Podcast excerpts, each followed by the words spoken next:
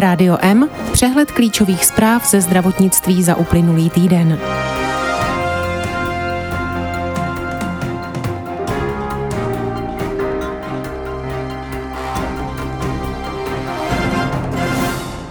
Na zdravotní péči dají pojišťovny příští rok 427 miliard.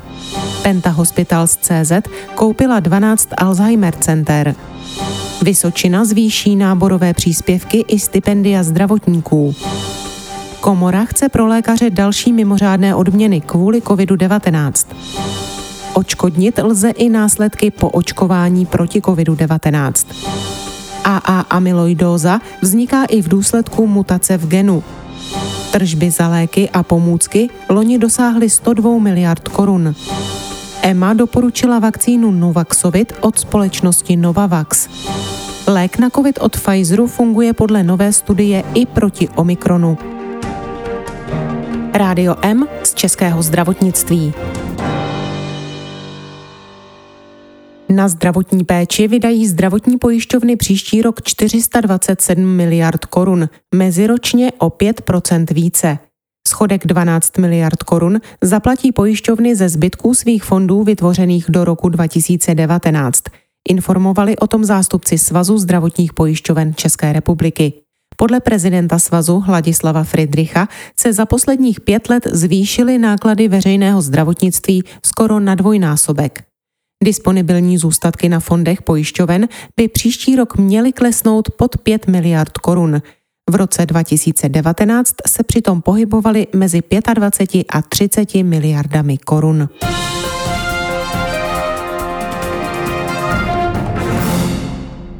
Penta Hospitals CZ koupila 12 Alzheimer center od investiční společnosti Creditas. Transakci musí ještě schválit antimonopolní úřad – Obě strany se dohodly, že její výši nebudou komentovat. Společnost Alzheimer Centrum poskytuje sociální služby a komplexní zdravotní a ošetřovatelskou péči klientům trpícím Alzheimerovou chorobou a ostatními druhy demencí už přes 25 let. Patří k největším privátním poskytovatelům těchto služeb v Česku. Společnost Creditas tato centra vlastnila pět let.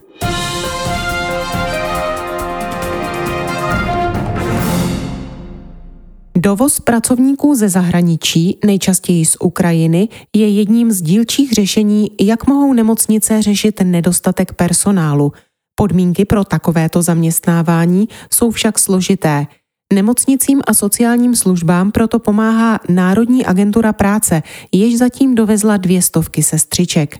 Zaměřuje se pouze na pracovníky pro zdravotnictví a sociální služby. Její fungování na stálé konferenci Českého zdravotnictví představila předsedkyně pracovní skupiny sekce zaměstnanosti a sociální péče hospodářské komory Jaroslava Němcová.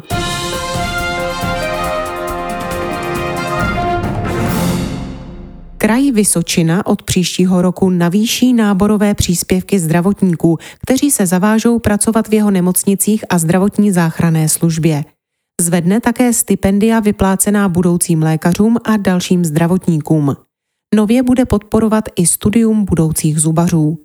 Náborový příspěvek se od roku 2022 zvýší až na 500 tisíc korun pro lékaře s atestací, bez atestace to bude až 300 tisíc korun.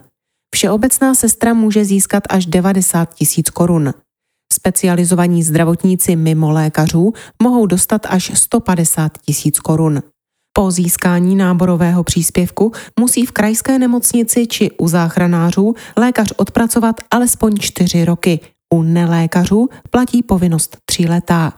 Budoucím medikům a studentům jiných zdravotnických oborů se navýší stipendium až na 80 tisíc korun za rok. Pro studenty platí povinnost pracovat na Vysočině tak dlouho, jak dlouho pobírali stipendium.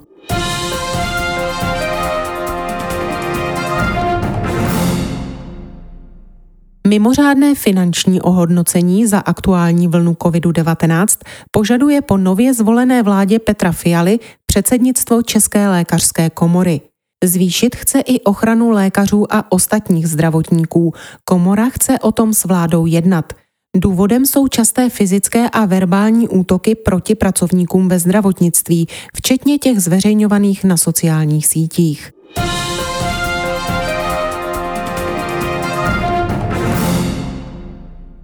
Vyhláška o očkodnění trvalých následků po povinné vakcinaci byla rozšířena o následky po očkování proti nemoci COVID-19.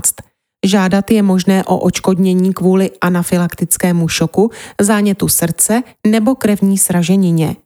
Povinné očkování proti COVID-19 platí od března 2022 pro všechny osoby nad 60 let a dále i pro některé profese, jako jsou například zaměstnanci ve zdravotnictví, studenti zdravotnických oborů, pracovníci v sociálních službách, hasiči, vojáci či policisté. Ministr Vlastimil Válek však chce povinné očkování pro lidi nad 60 let zrušit.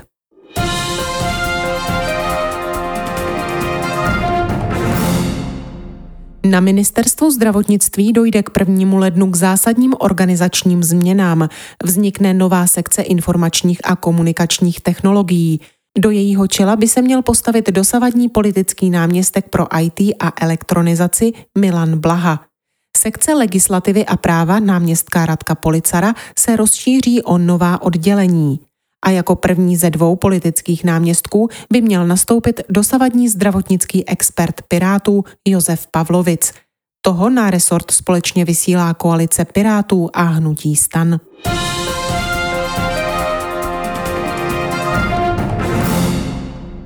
Čeští vědci přišli na příčinu rozvoje onemocnění zvaného AA amyloidóza u některých pacientů – Jde o genetický přenos mutace v genu SAA1. Ten zvyšuje produkci bílkoviny v těle a vede k selhání ledvin. AA amyloidóza u více než poloviny pacientů vzniká v důsledku chronického zánětu nebo infekce v organismu. Jejich léčba spočívá v kompenzaci základního onemocnění. Mezi pacienty s AA amyloidózou ovšem roste podíl nemocných bez zjevné základní příčiny onemocnění a není je tedy jak léčit. Nyní vědci vyzkoušeli i pro ně účinnou léčbu, která spočívá v nasazení monoklonální protilátky tocilizumab.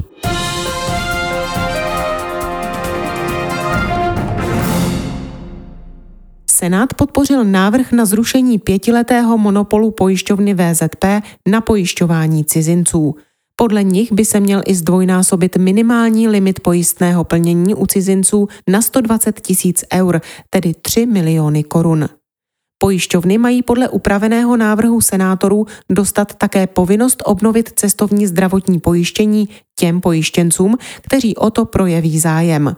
To by dle jejich názoru mělo zabránit situacím, kdy u nás zůstávají nemocní cizinci bez zdravotního pojištění. Nyní cizinci s dlouhodobým pobytem v České republice smějí podle novely cizineckého zákona z července roku 2021 uzavřít komplexní zdravotní pojištění, které je u nás povinné, pouze u PVZP, která je ceřinou společností Všeobecné zdravotní pojišťovny.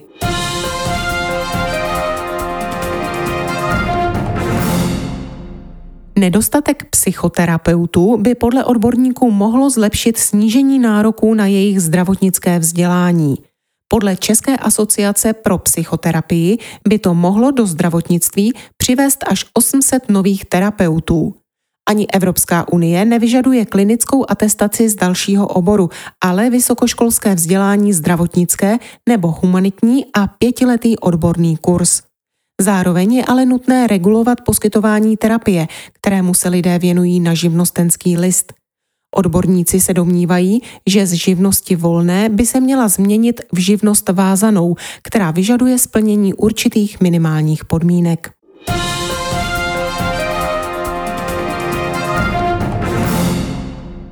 Společné doporučení k očkování dětí a mládeže od pěti let proti onemocnění COVID-19 vydala Česká vakcinologická společnost s Českou pediatrickou společností a odbornou společností praktických dětských lékařů. Připojili se i Združení praktických lékařů pro děti a dorost České republiky a Společnost pro epidemiologii a mikrobiologii. Lékaři uvádějí, že k 6. prosinci 2021 se v Česku onemocnění COVID-19 prokázalo téměř u 330 tisíc dětí ve věku do 15 let. Počet a podíl dětských případů z celkového počtu pacientů na podzim 2021 prudce vzrostl, a to v důsledku vysoké infekčnosti cirkulující varianty koronaviru. a současně nízké proočkovanosti dětské populace.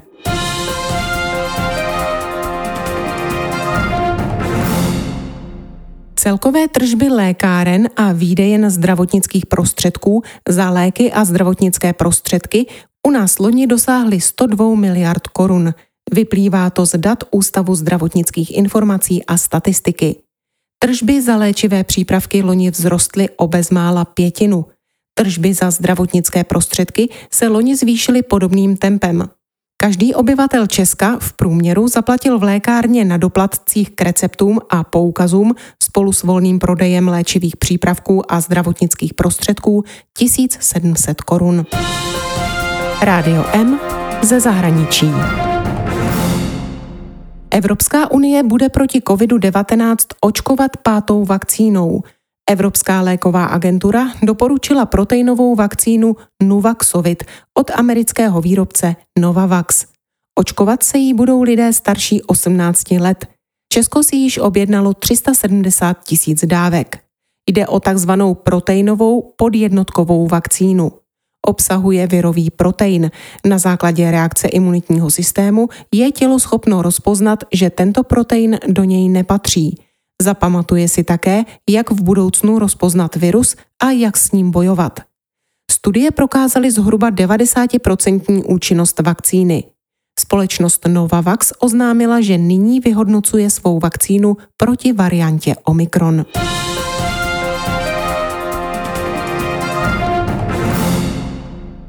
Lék proti COVID-19 vyvíjený firmou Pfizer je pravděpodobně účinný i proti variantě Omikron. Na základě testování provedeného na 2250 lidech firma také oznámila, že její antivirotikum snižuje ve skupině ohrožených potřebu hospitalizace a riziko úmrtí na COVID-19 až o 90 Oddělené testování léku také ukázalo, že si přípravek nazvaný Paxlovid svou účinnost udržuje i v případě varianty Omikron. Americký úřad pro kontrolu potravin pilulce již udělil mimořádné povolení. Paxlovid se podává krátce po prokázání nákazy koronavirem. Tolik zprávy, které připravila Marcela Alfeldy Šperkerová. Naslyšenou příště se od mikrofonu těší Marcela Žižková.